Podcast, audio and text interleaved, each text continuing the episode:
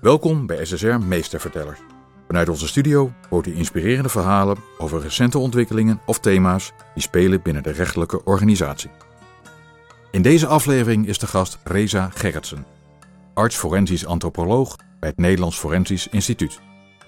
Hij gaat met Daan Langkamp in gesprek over de aard van zijn werkzaamheden. Ook vertelt hij hoe de inzet van een forensisch antropoloog van nut kan zijn voor de politie en het Openbaar Ministerie.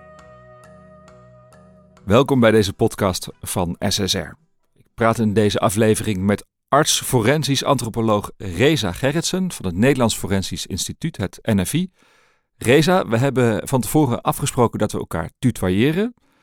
Ehm, kan je me eens uitleggen, wat is een arts forensisch antropoloog?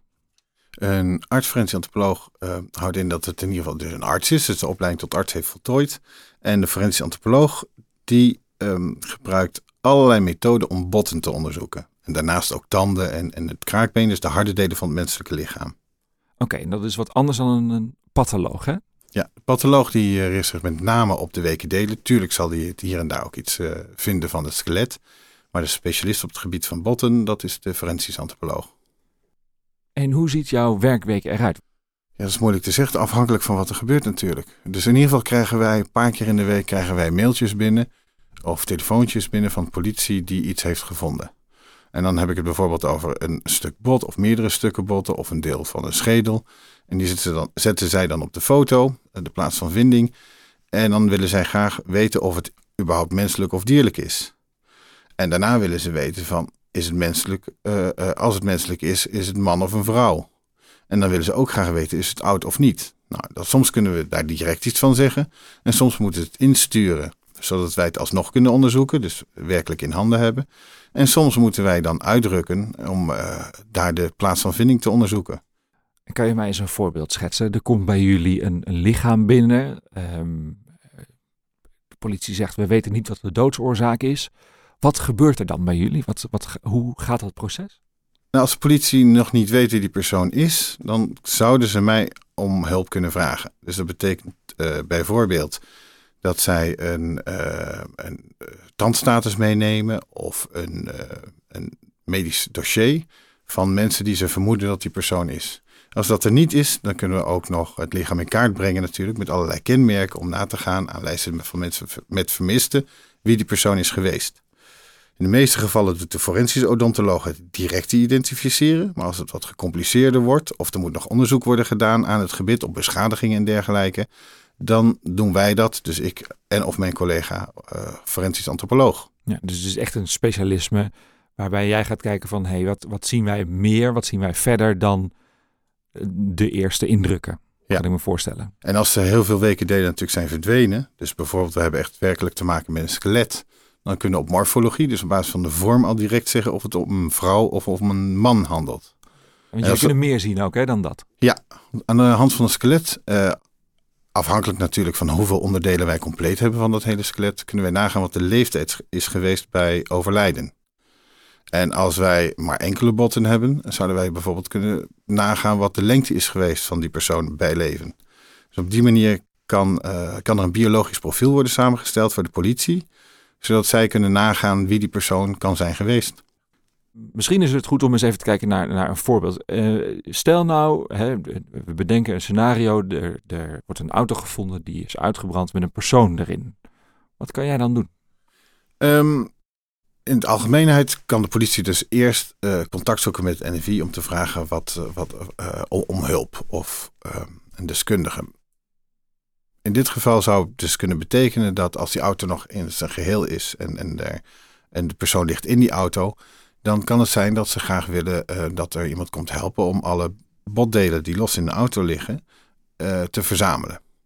En ook uh, de houding van het lichaam te bekijken. Want het lichaam neemt onder invloed van de hitteinwerking neemt een bepaalde houding aan. Als die houding ontbreekt, betekent dat die persoon is vastgebonden al of niet.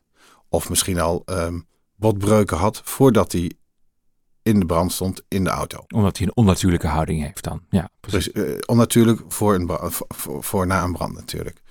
Um, dat betekent bijvoorbeeld dat ik daarheen kom en uh, dus eerst alles in kaart breng, goed fotografeer. En dan worden de uiteinden bijvoorbeeld van het bot wordt, wordt bedruppeld met cyanoacrylaat, secondenlijm. Dus dat betekent dat die veraste delen van het bot nog steeds uh, beschikbaar zijn later in het onderzoek.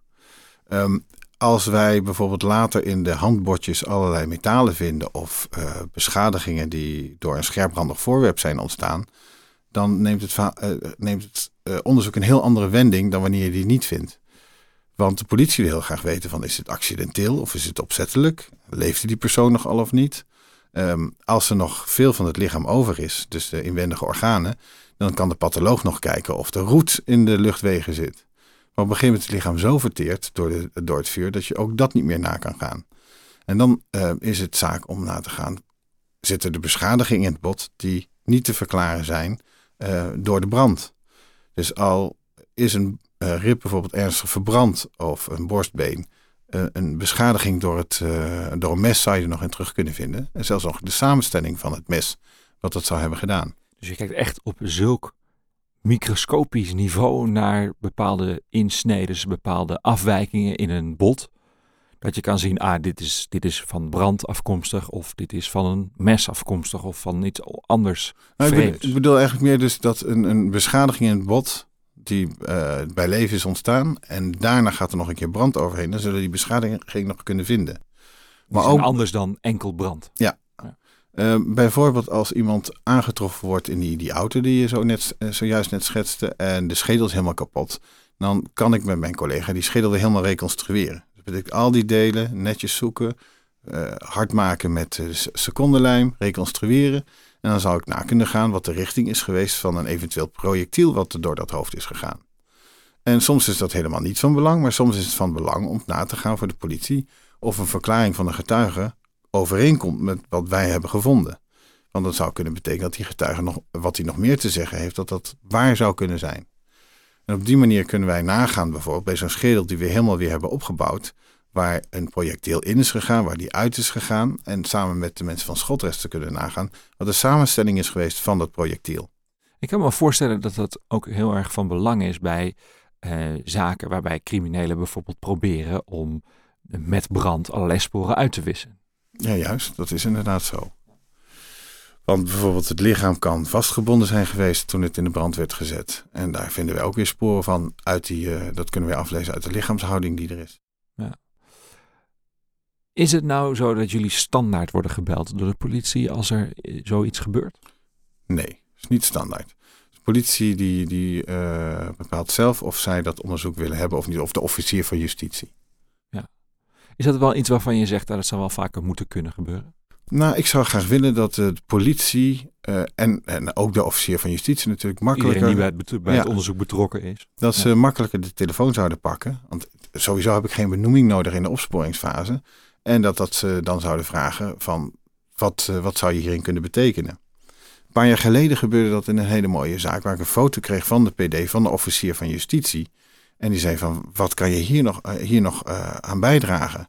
Ik zeg, nou, ik zie meneer liggen op zijn buik. Ik zie daar een hoop bloed bij zijn hoofd en ik zie allemaal losse stukken schedel. Ik zou misschien de vraag voor jou kunnen beantwoorden hoe vaak erop is geslagen.